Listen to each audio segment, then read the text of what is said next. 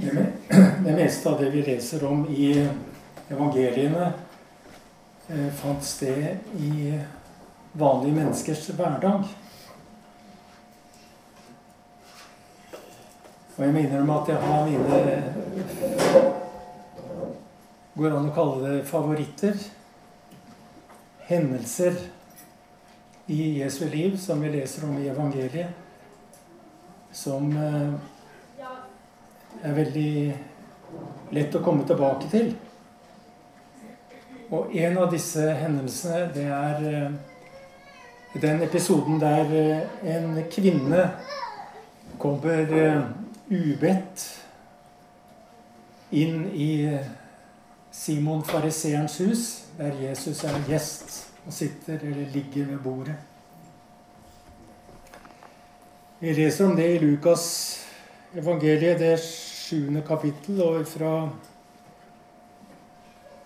ifra vers 36. En av fariseerne innbød Jesus til å spise hos seg. Og han gikk inn i fariseerens hus og tok plass ved bordet. Nå var det en kvinne der i byen som levde et syndefullt liv. Da hun fikk vite at Jesus lå til bords i fariseerens hus, kom hun dit med en alabastkrukke med fin salve. Og hun stilte seg bak Jesus nede ved føttene hans og gråt. Så begynte hun å fukte føttene hans med tårer og tørke dem med håret sitt. Hun kysset føttene hans og smurte dem med salven. Da fariseeren som hadde innbudt ham, så det, så tenkte han med seg selv Var denne mannen en profet? Vil han vite hva slags kvinne det er som rører ved ham, og at hun fører et syndefullt liv?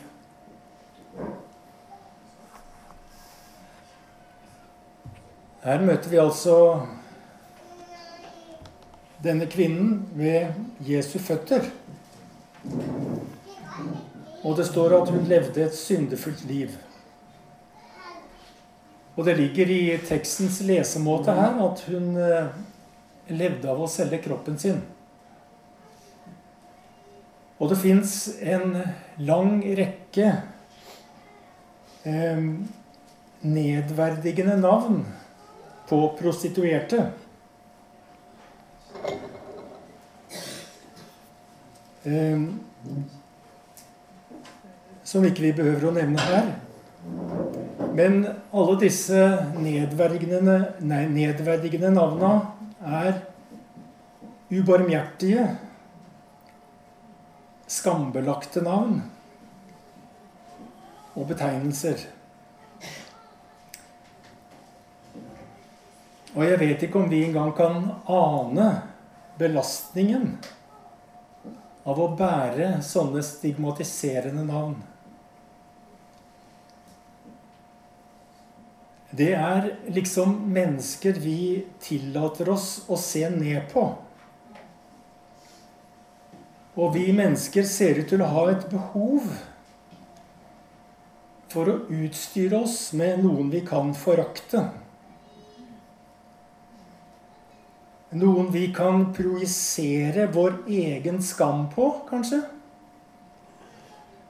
Noen som kan bære den skammen som vi sjøl føler,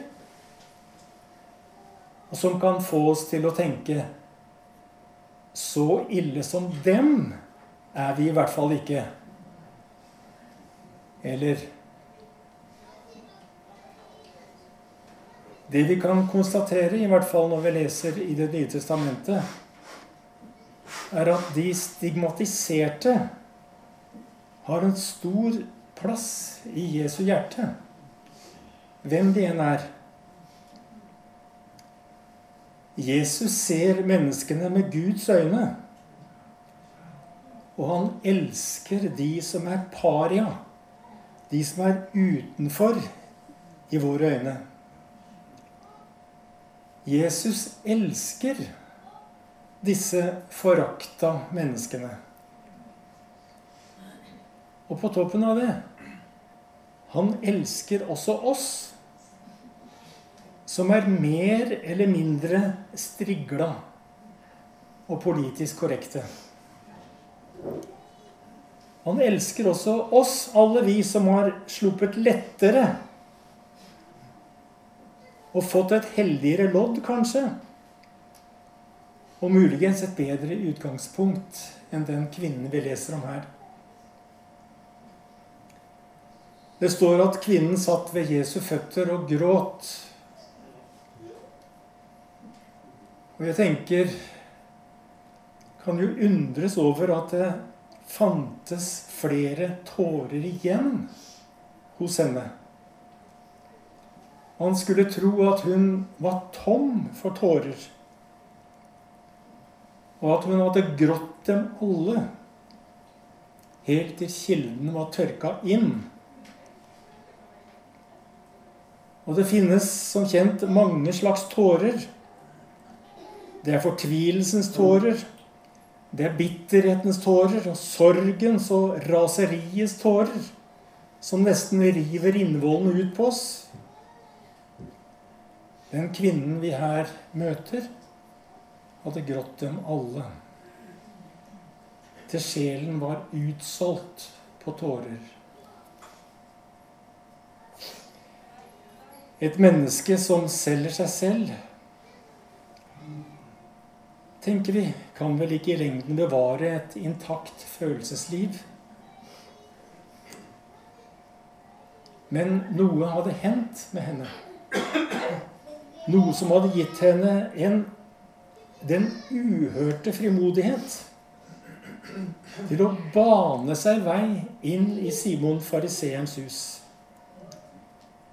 og til å vaske Jesu føtter med sine tårer og tørke dem med sitt hår. Det var en skandale. Sånt går ikke an. Men hun hadde møtt Jesus. Bibelen forteller ikke om det. Men det skulle vært interessant å vite om hennes første møte med Jesus.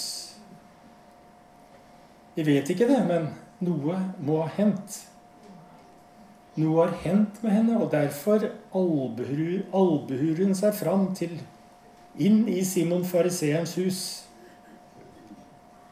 Hun går forbi de blikk, foraktelige blikkene som hun var så vant til. Og forbi de hånlige flirene som, hun hadde sett mange ganger før.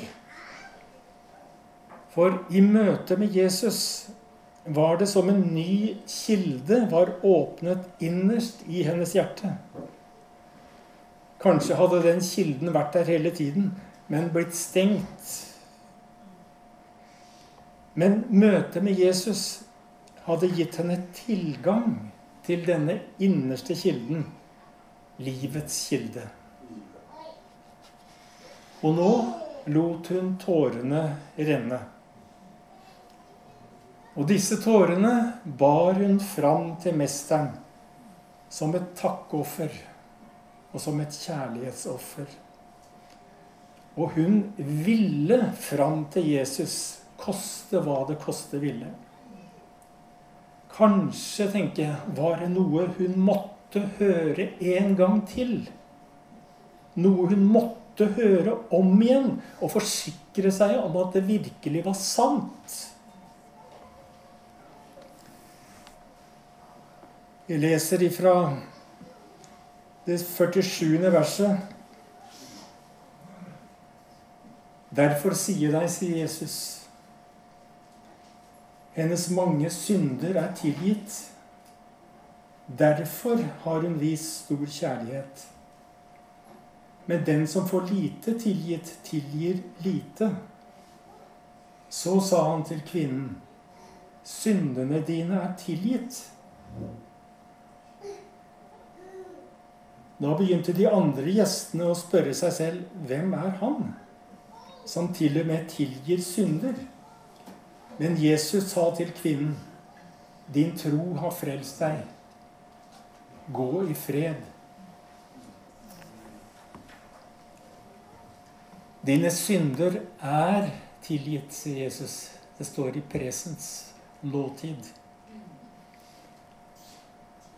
Og det var det, det var nettopp det hun trengte å høre en gang til. Enda en gang. For dem som lå til bords med Jesus i Simon fariseerens hus, så var det Jesus sa, blasfemi. Det er bare Gud som kan tilgi synd. Men jeg tenker syndenes forlatelse Bryr vi oss om det i dag? I det hele tatt synd fins det. Synd betyr å orientere seg etter feil mål i livet. Og synden fantes i hvert fall i denne kvinnens liv. Og den finnes hos meg. Vi er tilbøyelige til å kamuflere synden med alle tenkelige og utenkelige unnskyldninger. I hvert fall når vi møter den i eget liv. Vi tåkelegger synden med psykologiske forklaringer. Og vi rettferdiggjør den med arv og miljø. Og vi krymper den med å sammenligne oss med andre som er mye verre. F.eks. de med de stigmatiserende navnene. Vi fortrenger den. Vi bortforklarer den. Vi forsvarer den, og vi legitimerer den. Hva som helst, bare ikke erkjenne den.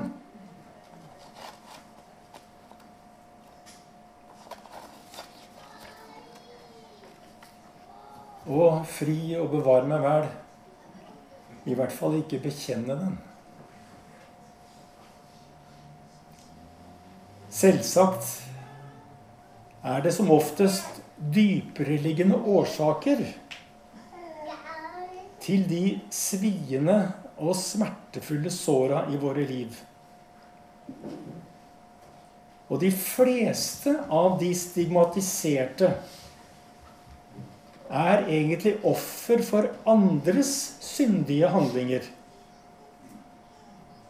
Eller for traumatiserende omstendigheter som de ikke hadde kontroll over. De er symptombærere for andres synder. Og hvilke svik og overgrep og fornedrelse som kvinnen i Simons hus var blitt utsatt for, det får vi aldri vite. Og ikke de valgene hun selv hadde ansvarene for heller. Men uansett så bærer hun på en blytyng, blytung byrde. Hva som var den dypere årsaken til denne tunge ballasten, eller disse knutene i hennes liv, det vet vi ikke. Men for henne så var jo ikke belastningen og byrdene i livet noe mindre, selv om det var andre som hadde lagt den på henne. Vi vet bare at hun var bundet, låst, ute av stand til å gjøre seg fri. Vi vet ikke hvilke begreper eller forståelse hun hadde om synd. Men vi vet at hun kjente trykket av den. Og det er nok. Syndens trykk i hennes liv, det var summen av alle løgner. Summen av alle svik, all forakt og selv, selvforakt Summen av all bitterhet og angst og skam. Summen av all moralsk fallitt. Summen av alt det onde som livet hadde spunnet henne inn i. Og det var denne massive byrden som hun dumpa ved Jesu føtter. For selv om hun var ute av stand til å gjøre noe med sitt livs skjebne, ute av stand til å gjøre noe med skammen og selvforakten og bitterheten, så kunne hun legge alt for Jesu føtter. Han som sier, 'Kom til meg, alle dere som bærer tunge byrder, og jeg vil gi dere hvile'. Og det valget som hun gjør her i denne beretningen, det gjør hun fullt og helt. For henne var det åpenbart ikke nok med ord. Ikke nok med religion heller, med bud og gode leveregler. Det var nåde denne kvinnen møtte hos Jesus. Ikke fordømmelse, men uforbeholden kjærlighet. Aksept uten vilkår. Dine synder er tilgitt, sier Jesus. Og det var det hun trengte å høre igjen. Og de orda, de trenger vi også å høre igjen. Du kan ta fra oss alt som betyr noe i livet. Men ta ikke fra meg synsforlatelsen. Ta ikke fra meg nåden. Å møte Jesus er å møte kjærlighet og tilgivelse på dypet. Hans kjærlighet og tilgivelse gjør det mulig å slippe inn sannheten om mitt liv uten å gå til grunne. Kjære synder i Simons hus. På dypet har vi samme identitet, du og jeg. Og det gjelder oss alle. Når Jesus sier 'Dine synder er tilgitt. Gå i fred'. Og jeg håper, synder, når du reiser deg fra Jesu føtter og går din vei ut av selskapet, at du går med løfta hode og med faste skritt. Utenfor så tørker du kanskje noen nye tårer. Tårer av befrielse Tårer av takknemlighet og lettelse. Det er en som har sagt at eh, befrielsens tårer er en slags tungetale uten ord. Kjære synder eller synderinne. Vi er i samme båt, du og vi. Og jeg lurer på Klarte du å fortsette å se deg selv med Jesu øyne? For det er ikke alltid så lett å plutselig være et nytt menneske. Om, omvendelsen og det nye livets vei er ikke nødvendigvis løsningen på alle problemer. Det vet vi godt. Tårenes gave begynner med hjertets befrielse.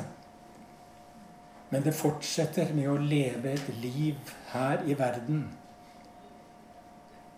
Å synderinne og synder, du kommer til å felle nye tårer, og skammen vil komme til å kaste skygger. Men vær frimodig. Jesus holder deg fast.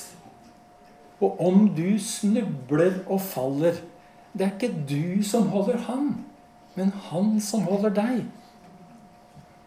Og vet du han vil leie deg helt hjem.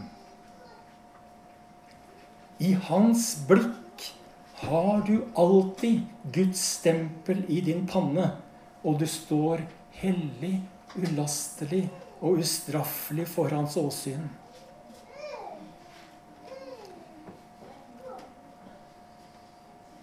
Til slutt vil jeg bare lese et lite utdrag fra et dikt av poeten Susanne Rikner. Slik han vender sitt ansikt til deg og sitt blikk fra dine synder, er du kalt til å vende ditt blikk bort fra deres synder og til deres ansikt.